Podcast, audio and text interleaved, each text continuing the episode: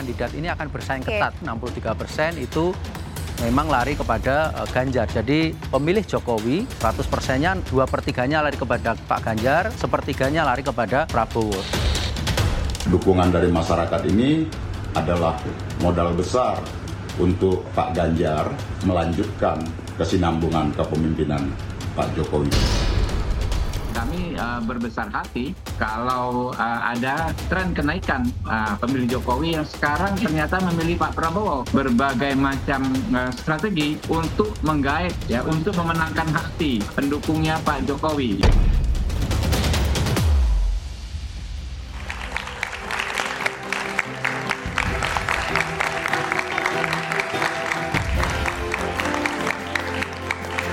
Pemilih Jokowi terus jadi incaran dan rebutan jelang pemilihan presiden 2024 mendatang.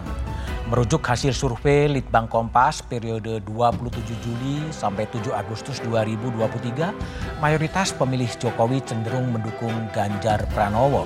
Namun pemilih Jokowi juga mendukung Prabowo Subianto, bahkan jumlahnya mengalami peningkatan. Pemilih Jokowi pada pemilu 2014 dan 2019 memang tinggi Hal ini menjadi magnet tersendiri bagi siapa pun yang akan maju pada Pilpres 2024 nanti. Maka tidak heran jika para bakal capres ingin mendapatkan dukungan dan demi bisa menarik hati para pemilih Jokowi, apa pun dilakukan mulai dari menunjukkan kedekatan dengan Jokowi dan relawan hingga menggoda Gibran. Namun benarkah dukungan pemilih Jokowi sangat menentukan kemenangan pada Pilpres tahun depan? Inilah satu meja The Forum berebut suara pemilih Jokowi. Situasi di tahun politik ini sudah mulai hangat-hangat kuku. Agak memanas, tapi belum panas. Repotnya, yang sudah panas itu justru antar kawan sendiri. Hasil survei Litbang Kompas yang dirilis 21 Agustus 2023, elektabilitas simulasi tiga nama baca pres menunjukkan Ganjar Pranowo menyalip Prabowo Subianto meski selisih tidak sampai 3 persen. Namun dalam simulasi terbuka, elektabilitas Ganjar terpaut tipis dari Prabowo, yakni 0,5 persen.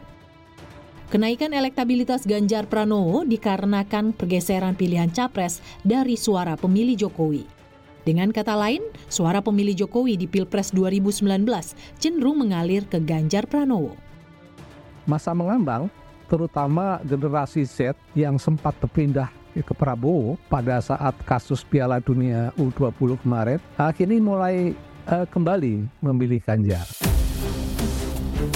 Selain itu, konsolidasi partai pengusung yang dinilai kian membaik dan kuat memungkinkan pergeseran pilihan capres dari suara pemilih Jokowi. Saya Gibran Raka Buming mengajak seluruh warga untuk berbondong-bondong ke TPS di 14 Februari nanti untuk memilih PDI Perjuangan dan Pak Ganjar. Ingin menyampaikan dan ingin mengajak untuk sama-sama kita bisa memilih pemimpin yang sudah jelas track recordnya seperti Bapak Ganjar Pranowo untuk bisa kita pilih pada Pilpres 2024 nanti. Namun jika dibandingkan dengan hasil survei Litbang Kompas pada Mei 2023, elektabilitas Ganjar, Prabowo, dan Anies justru mengalami penurunan.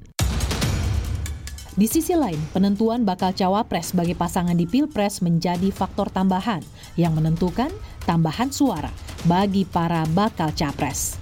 Termasuk peralihan suara yang didominasi pemilih Jokowi dari kalangan Gen Z. Pasti ada yang menang dan pasti ada yang kalah dan sebaiknya memang yang menang mengajak yang kalah untuk membantu dan kalaupun tidak membantu sebisa mungkin jangan mengganggu.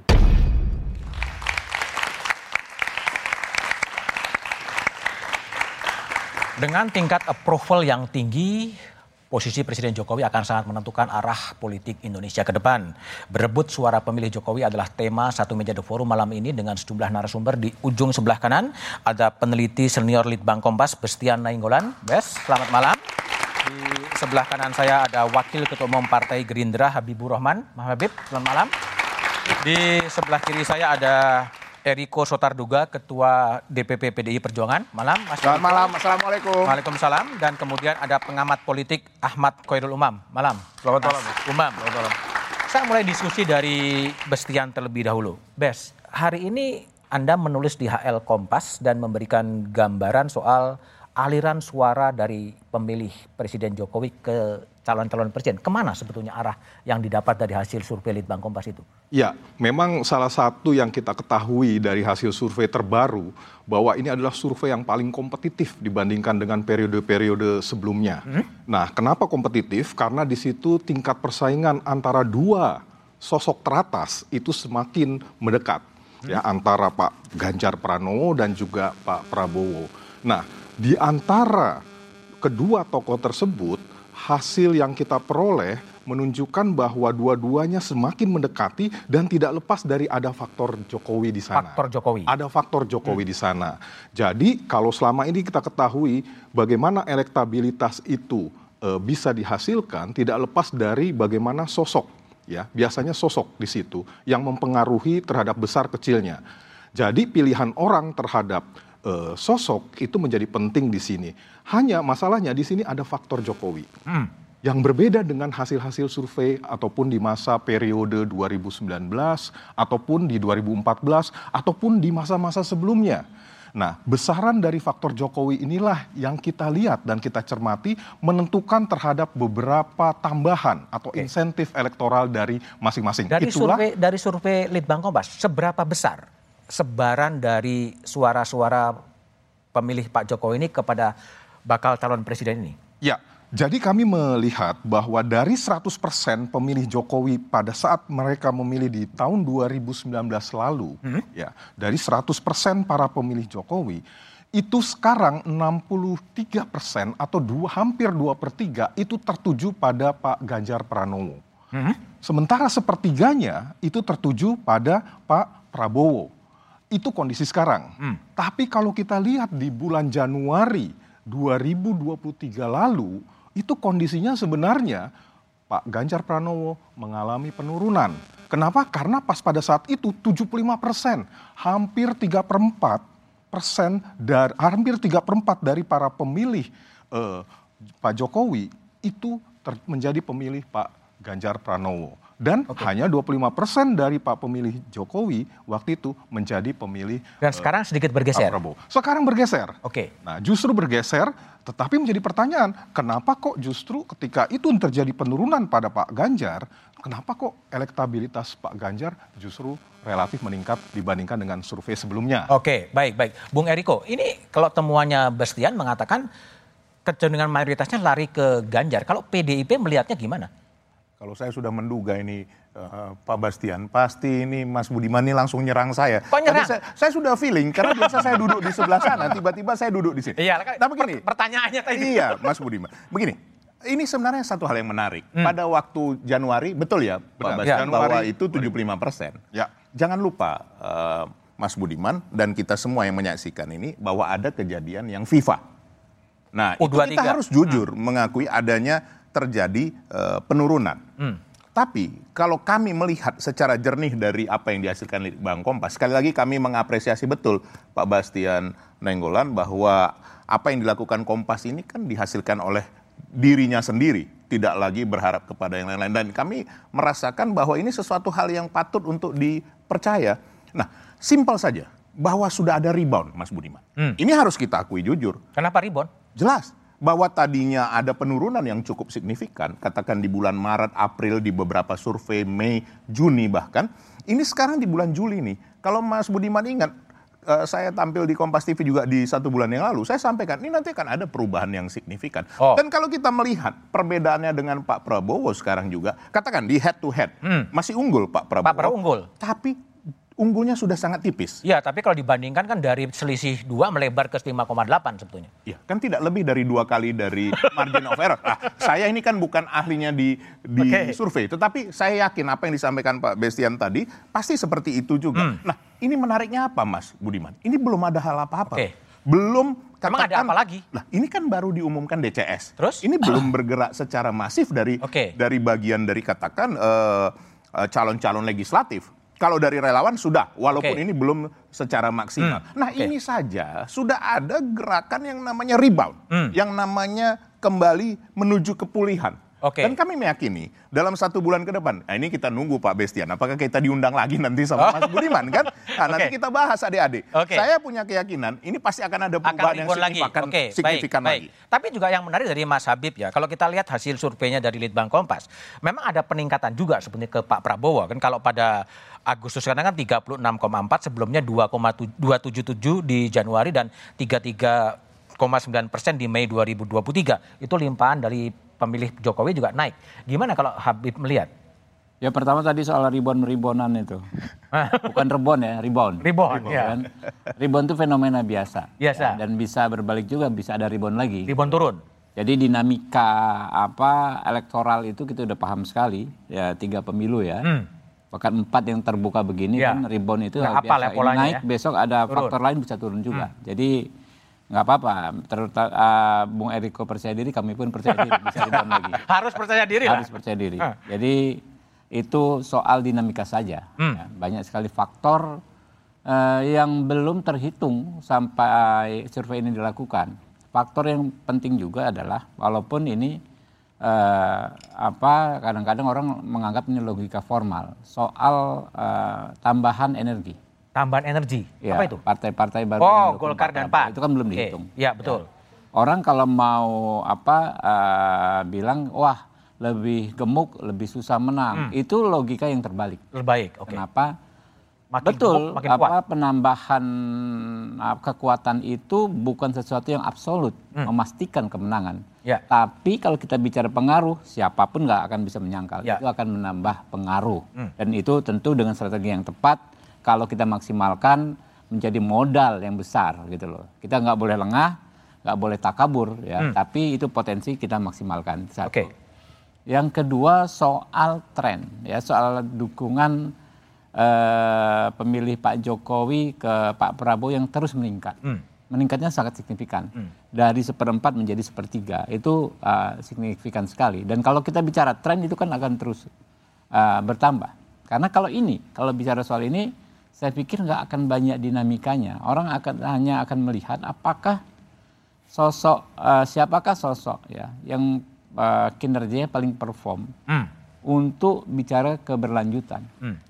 Ini kan sebetulnya bukan soal uh, pribadi Pak Jokowi saja. Pengikut Pak Jokowi itu kan pengikut yang rasional, ya. Uh, lebih mayoritas pengikut yang rasional. Orang yang merasa menikmati stabilitas saat ini, ya ekonomi bagus bahkan kalau nggak berubah nggak ada apa namanya nggak ada uh, kemunduran yang signifikan kata di ekonomi itu kita bisa jadi uh, ekonomi keempat terbesar, terbesar. di dunia. Hmm. Nah itu orang-orang yang merasa nyaman dengan situasi seperti ini menginginkan keberlanjutan. Oke. Okay. Ya orang-orang ini akan melihat sosok yang paling paham situasi saat ini siapa. Hmm, siapa? Ya kan? Sosok yang paling pas menurut mereka paling paham situasi problematika saat ini siapa? Kalau orang yang banyak bekerja sama dengan Pak, Pak Jokowi, Jokowi dalam lingkungan okay. kerja. Itu ya Pak kan? Prabowo. Uh, kemudian orang yang memahami tantangan ke depan seperti apa. Hmm. Geostrategi, Politik. geopolitik internasional hmm. seperti apa. Orang kan kalau Pak Jokowi bilang berani, berani, berani berkali-kali berani. Berani itu bukan konteks fisik berani, tapi orang yang memiliki pengetahuan, hmm. memiliki pemahaman, ya kan bagaimana uh, membuat kita itu disegani di, di dunia internasional. Okay. Karena kan kita hadapi ini persoalan internasional Pak ke depan. Hmm. Tantangan terbesar Pak Jokowi adalah uh, dalam apa namanya uh, memaksimalkan kepentingan nasional di, di internasional adalah itu tadi belum apa-apa misalnya soal hilirisasi ditantang di WTO hmm. dan lain sebagainya. Hmm. Itu mesti sosok yang paham, Pak. Oke. Okay. Sosok yang paham ya. Kami menganggap ya publik melihat itu ke arahnya Pak Prabowo. Pak, Pak Prabowo. Karena itu kan semakin lama semakin ini, Pak. Dinamika di internasional itu kan juga semakin panas. Hmm.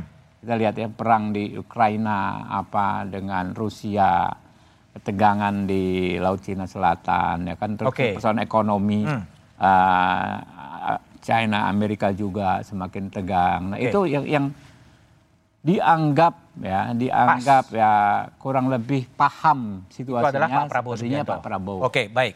Mas Umam, ini kalau tadi membaca hasil survei dari Litbang Kompas ya, suara pemilih Pak Jokowi itu 63,6 persen ke Mas Ganjar dan 36,4 persen ke Pak Prabowo. Padahal kan simbol-simbol di panggung depan publik menafsirkan Pak Jokowi lebih condong kepada Pak Prabowo. Tapi kalau hasil dari survei itu bisa berbeda. Analisa Anda gimana sebetulnya? Ya terkait dengan konteks politik praktis Mas Budiman, Pak Jokowi memerankan dua hal. Dua hal. Pertama di dalam konteks percaturan uh, keputusan elit politik. Hmm? Yang kedua, aliran dari basis pemilih loyal Pak Jokowi yang kemudian bisa memberikan insentif elektoral kepada satu dua pihak yang dipersepsikan didukung oleh Pak Jokowi. Itu hmm. dua hal terpisah. Nah, apa yang ditemukan oleh Litbang Kompas tadi uh, our bestie, Mas Bes uh, Bestian, uh, menyampaikan yang secara data relatif mirip dengan apa yang kami temukan hmm. di survei yang kami lakukan uh, Indo Strategic di uh, rentang 9 sampai 20 uh, Juni hmm. 2023 kita menemukan bahwa memang persepsi masyarakat secara umum mempersepsikan bahwa Pak Jokowi akan memberikan dukungan kepada Pak Ganjar itu di angka lebih tinggi mas, lebih di angka 74 persen. Oke. Okay. Kemudian kepada Pak Prabowo di angka 22,4 persen, hmm. baru kemudian Pak Erlangga tercacar di angka yang hmm. uh, cukup kecil di angka 2,2 persen. Oke. Okay. Nah, tetapi problemnya angka itu belum memotret pertu, uh, perkembangan situasi saat ini. Tadi, Tadi kita uh, diskusikan bahwa Gerindra, survei yang kami lakukan sendiri termasuk juga uh, apa yang uh, disurvei oleh teman-teman di Litbang Kompas belum mengambil hmm. satu porsi dinamika ketika kemudian kemarin ada uh, pergeseran Golkar, Golkar dan, dan juga PAN di sana. Hmm. Nah, maka kalau misal masuk Golkar dan PAN di dalam konteks uh, penguatan elektabilitas uh, Pak Prabowo, maka akan ada besar kemungkinan terjadi peningkatan pada basis persepsi masyarakat bahwa Pak Jokowi memberikan dukungan lebih hmm. kepada Pak Prabowo. Tetapi pesan yang penting untuk di uh, handle di level ini, Mas Budiman, bahwa uh, perbedaan 1-2 persen itu sifatnya stat, stat, statistically hmm. insignificant.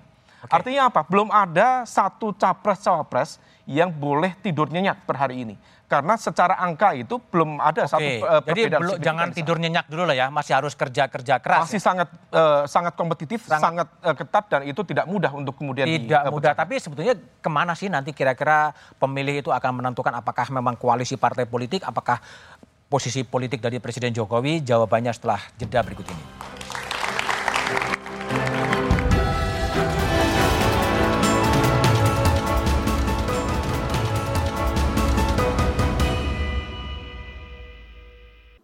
kita bagian daripada tim Jokowi yang harus kita berani mengatakan berhasil dalam membawa bangsa dan negara ini sampai sekarang sebagai landasan untuk kita terus membawa Indonesia menuju cita-cita bangsa dan rakyat Indonesia.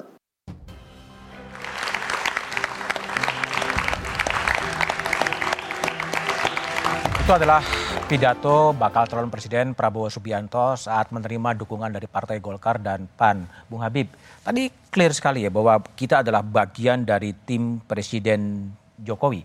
Memang pidato itu diarahkan untuk mendapatkan dan menyatakan memang ini bagian dari tim dari Jokowi dan untuk mendapatkan suara dukungan suara dari pemilih Pak Jokowi.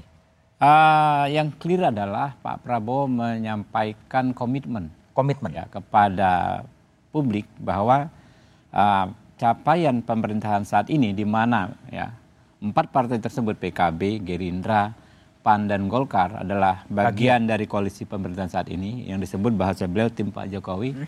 sudah sangat uh, maksimal hmm. memberikan manfaat positif buat bangsa dan negara. Ekonomi bagus, situasi bagus, tidak ada perpecahan ya. Dan apa namanya? forecast ke depan uh, akan akan terus bagus.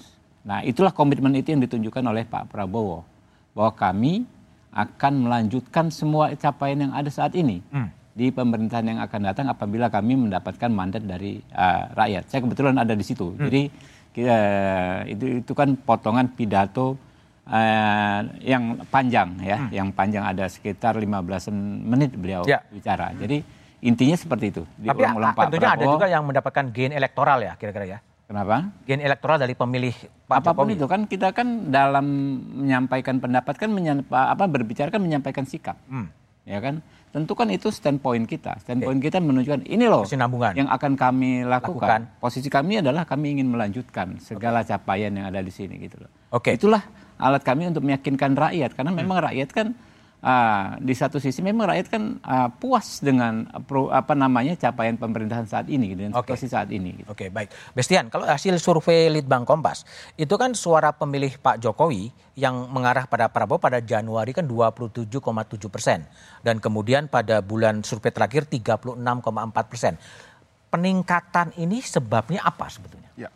Jadi kalau kita cermati ya bahwa memang terjadi suatu peningkatan dan konsisten. Konsisten. Dari mulai Januari dari sampai ke Pak Prabowo ya. Kepada Pak Prabowo. Sebaliknya justru menurun pada Pak Ganjar Pranowo. Pranowo. Oke. Okay. Nah, pertanyaannya, kenapa kok hmm. itu meningkat? Hmm. Kami coba dulu melihat siapa sih yang terjadi basis latar belakang apa terjadi perubahan ini.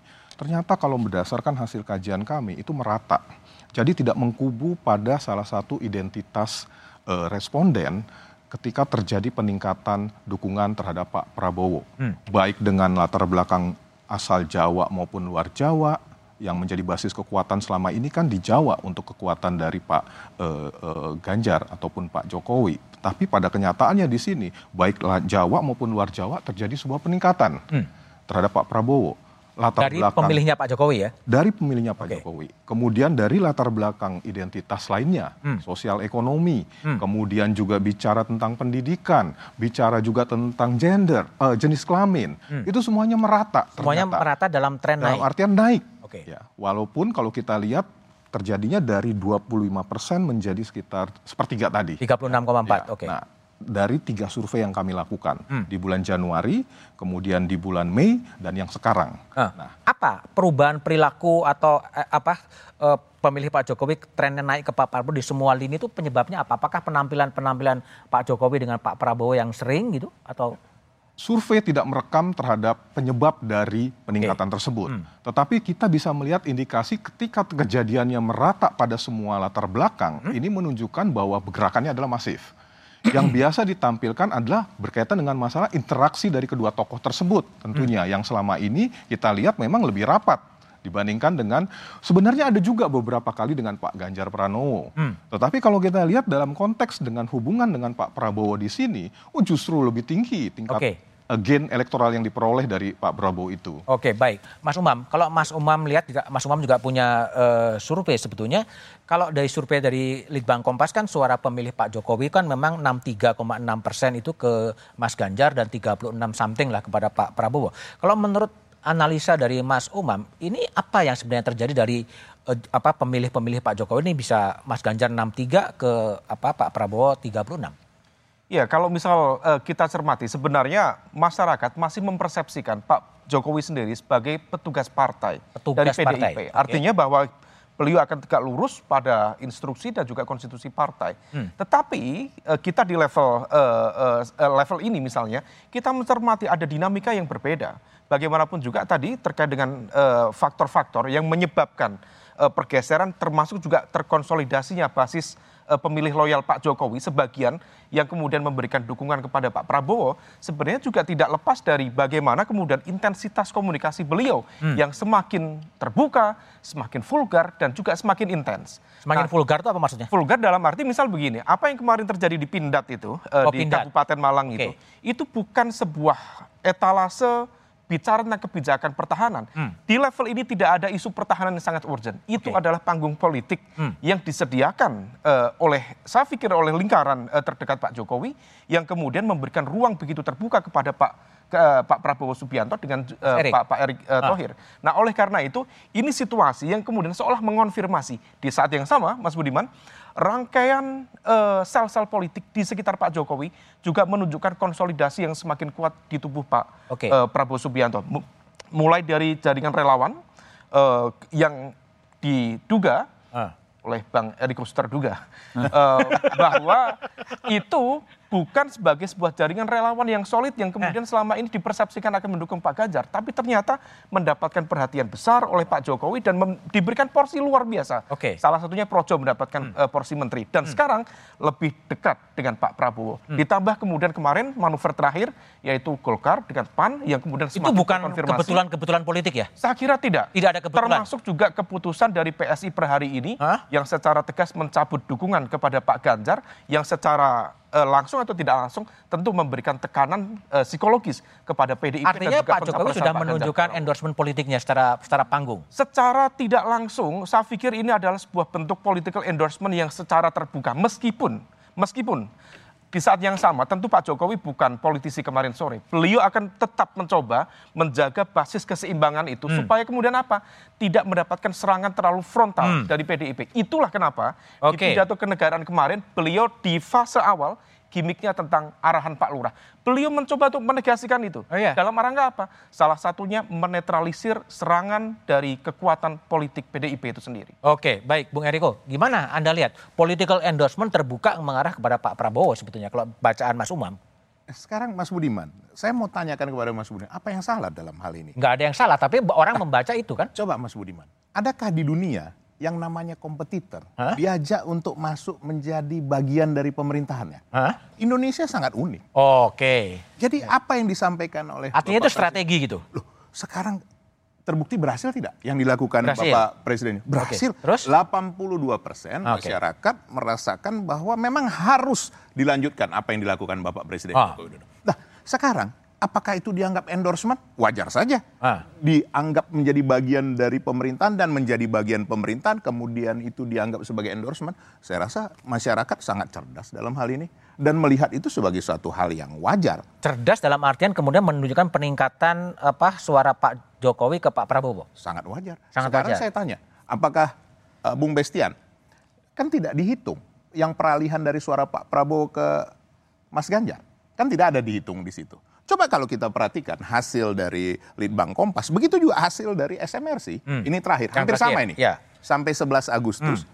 Bahwa Mas Ganjar dianggap yang paling bisa melanjutkan Pak Jokowi. Hmm. 39,4 persen. Pak Prabowo 28,62 persen. Itu data yang nyata. Hmm. 5 ribu responden. Artinya, begitu juga dengan Litbang Kompas. Coba kalau kita kaji. Bahwa itu yang tadi saya sampaikan, bahwa ini rebound. Tapi ada satu masa nanti, Mas Budiman. Nanti satu dua bulan ke depan ini. Oh selalu nih, selalu ada masa-masa nah, nih. Saya, ada, saya anda udah tahu apa yang bakal terjadi. Nah, ini bukan karena nama saya Riko Sotarduga nanti Mas Soerul Umam sampaikan lagi menduga-duga. Bukan. Tapi itu kenyataan yang ada. Bahwa masyarakat Indonesia sudah sangat cerdas. Oke, ini sekarang endorsement Pak Jokowi. Nah nanti ada masanya originalitas dari masing-masing calon dilihat. Sejauh apa?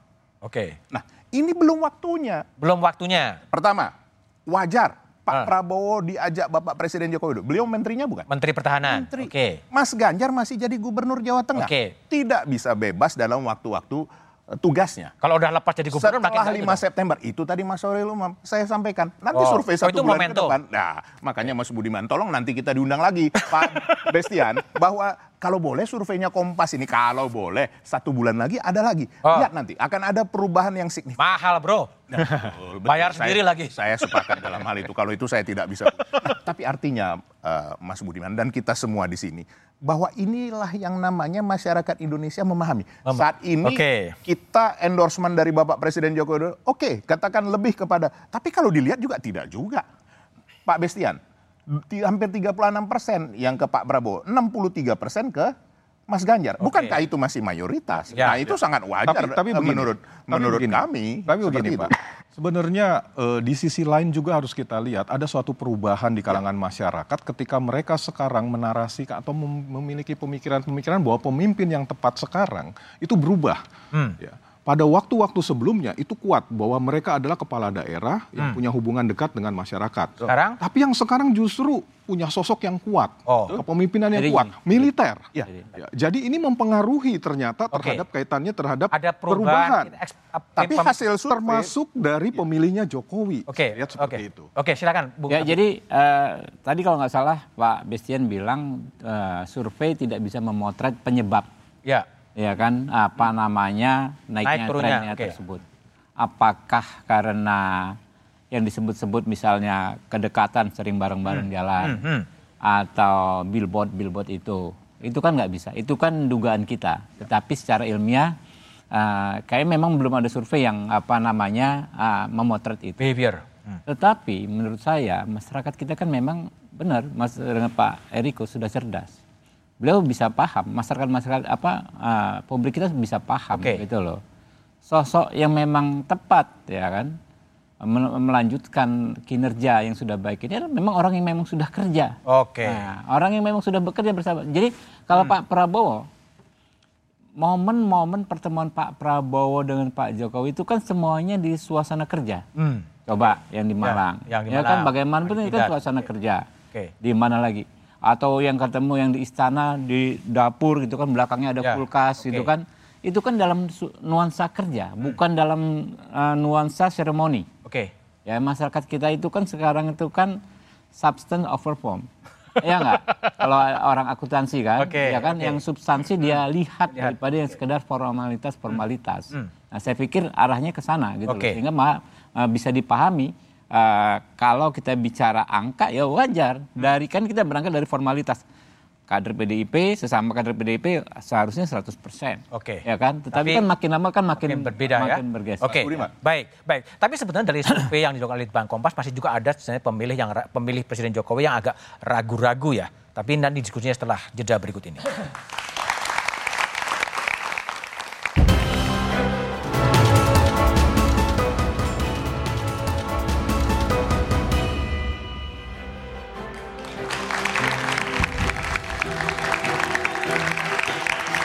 Masih bersama saya Budiman Tanurjo di satu meja The Forum. Bestian Nainggolan, peneliti senior Litbang Kompas. Kalau baca tulisan Anda di Kompas hari ini ya, selain soal per, apa persaingan antara suara Pak jo, suara pemilih Pak Jokowi ke mana, ada juga menuliskan bahwa 49,7 persen ya, itu pemilih Jokowi yang belum ketahuan sebenarnya akan ke mana apakah akan ke Mas Ganjar, ke Pak Prabowo atau ke Mas Anies. Ini pemilih-pemilih yang masih apa? Gamang atau belum menentukan pilihan atau gimana Anda baca? Ya, jadi sebenarnya dari total 100% responden itu hmm? ya, ada sekitar sekarang 8, ya?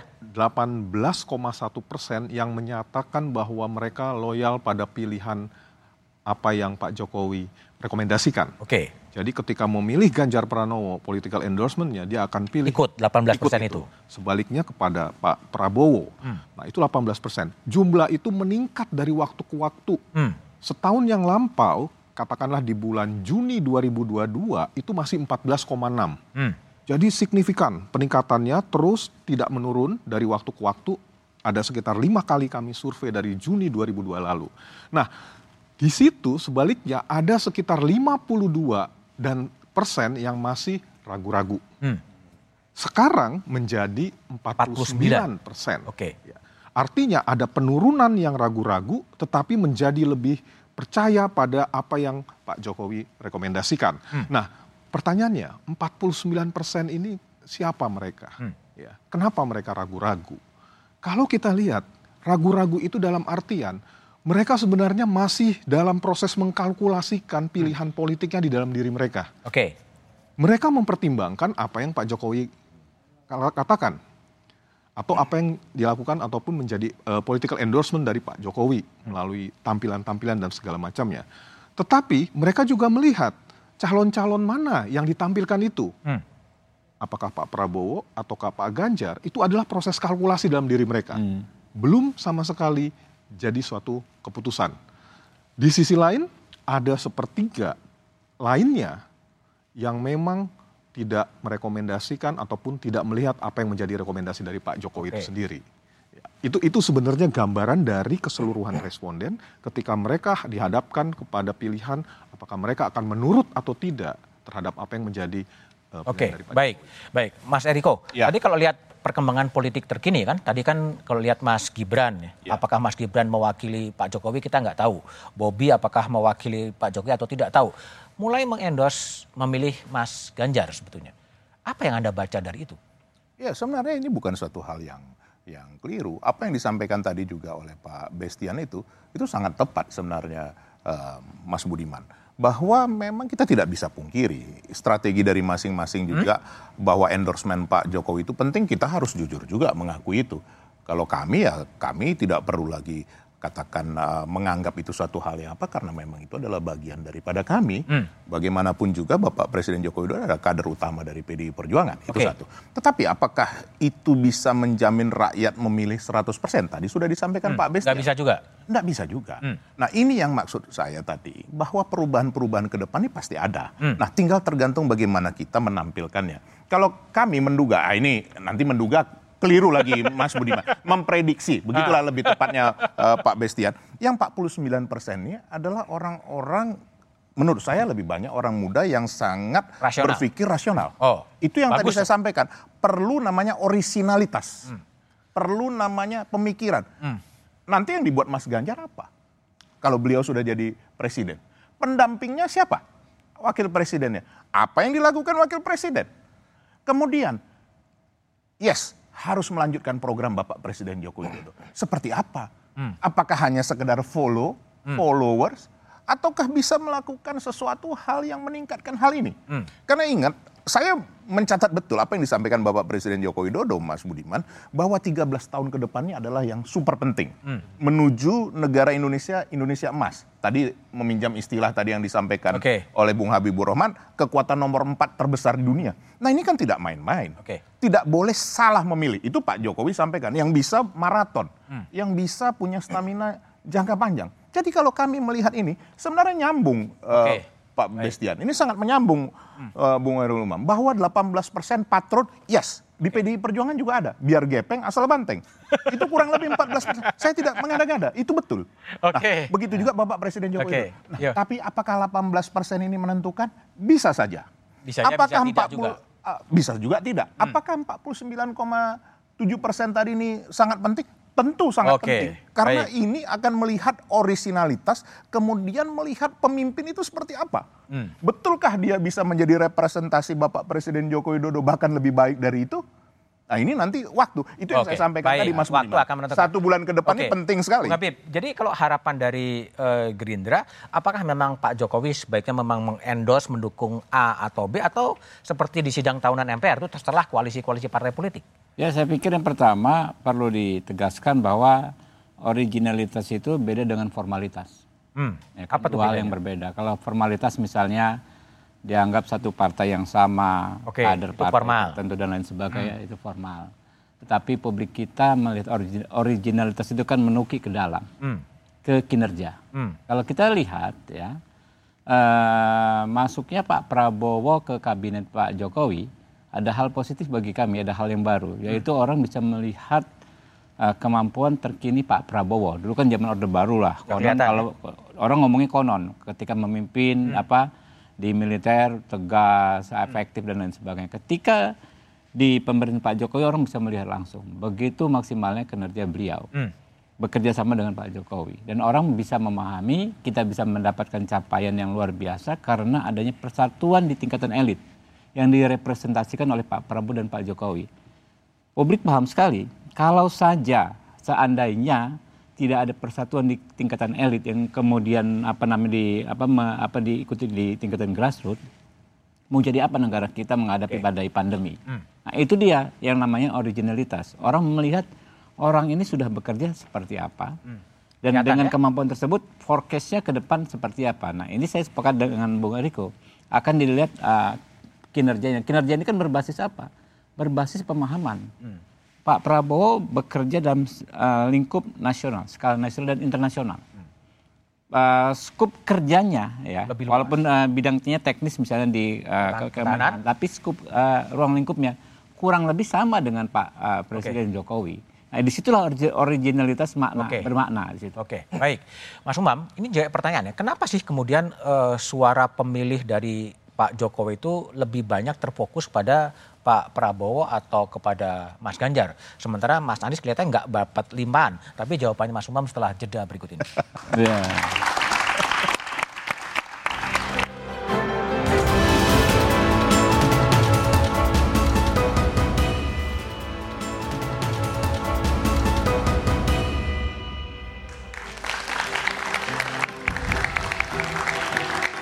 Masih bersama saya Budiman Tanurjo di satu meja The Forum. Mas Umam, suara pemilih Jokowi kelihatannya memang hanya mengarah kepada Pak Prabowo dan Mas Ganjar, tidak ke Mas Anies Baswedan. Ya. Gimana Anda membaca tren survei itu?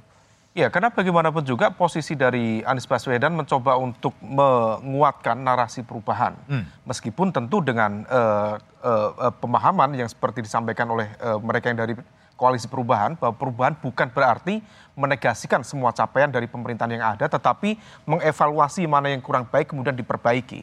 Maka kemudian dari basis uh, survei Litbang Kompas juga terdeteksi sebenarnya bahwa Anies juga memiliki hmm. uh, limpahan, limpahan. Uh, suara dari basis pemilih loyal Pak Jokowi, terutama barangkali dari teman-teman uh, di Nasdem dan lain sebagainya, itu di angka kalau nggak salah 22 persen. Memang gapnya agak jauh hmm. uh, dibanding uh, uh, elektabilitas dari dua nama yang lain. Tetapi yang uh, terpenting Mas, saya ingin menggarisbawahi ada satu temuan yang cukup menarik dari survei Litbang Kompas Agustus kali ini, yaitu ketika kemudian tadi ada basis pemilih loyal Pak Jokowi di angka 18 persen, itu memang cukup signifikan dalam konteks pemenangan uh, pada titik-titik akhir nanti. Oke. Okay. Tetapi itu bukan sebagai major determinant, determinant factor, hmm. bukan menjadi faktor utama penentu. Apa?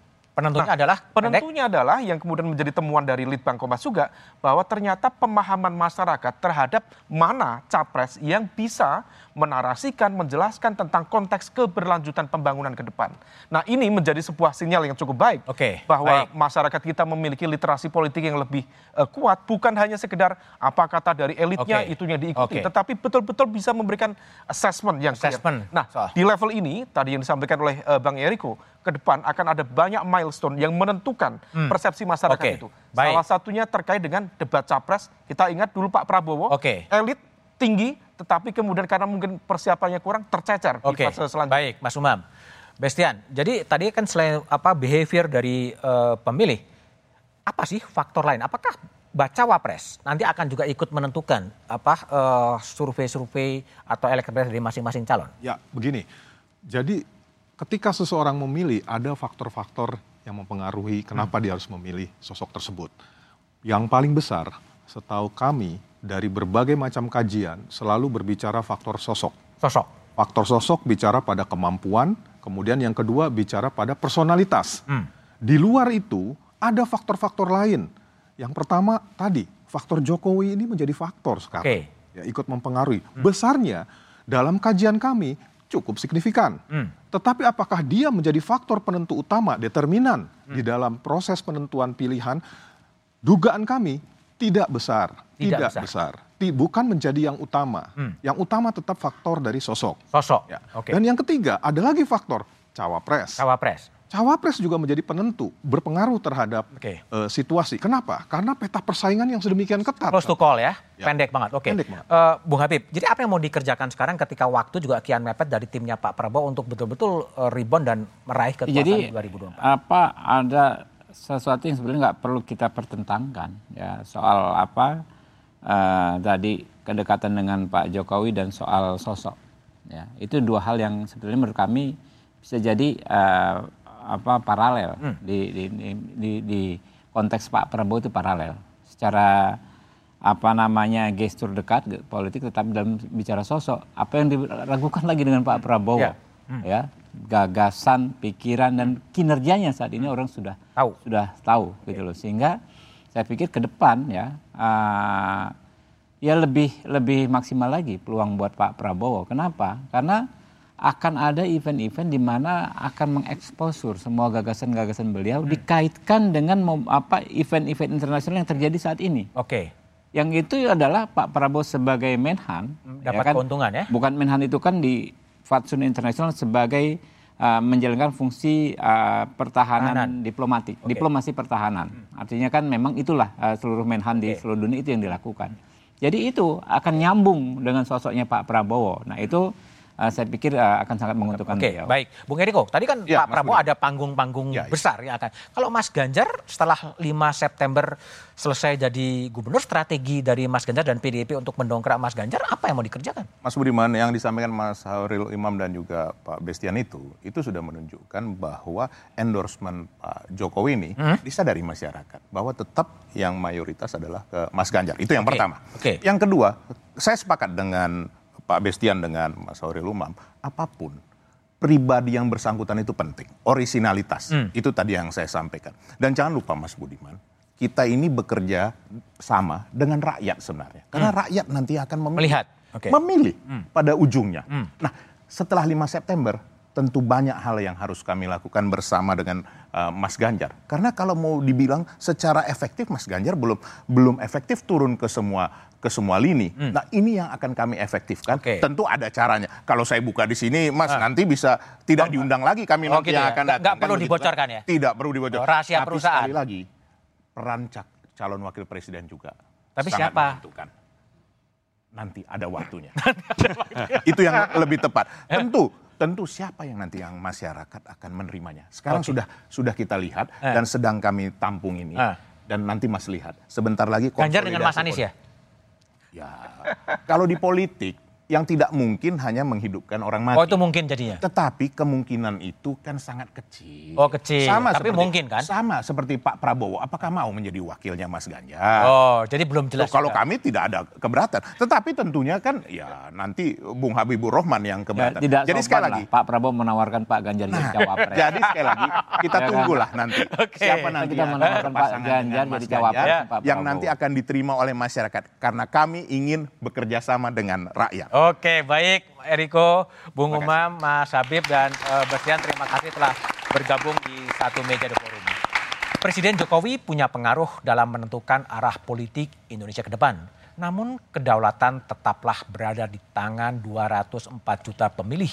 Pemilih punya kedaulatan untuk menentukan siapa pemimpin Indonesia 2024-2029. Rekam jejak calon pemimpin, agenda untuk menjawab tantangan ke depan, serta komitmen kebangsaan dan kemampuan menjalankan rekonsiliasi pasca pemilu harus jadi perhatian. Saksikan Kompas TV untuk mengupdate informasi seputar pemilu hanya di Kompas TV independen, terpercaya. Sampai jumpa dan selamat malam.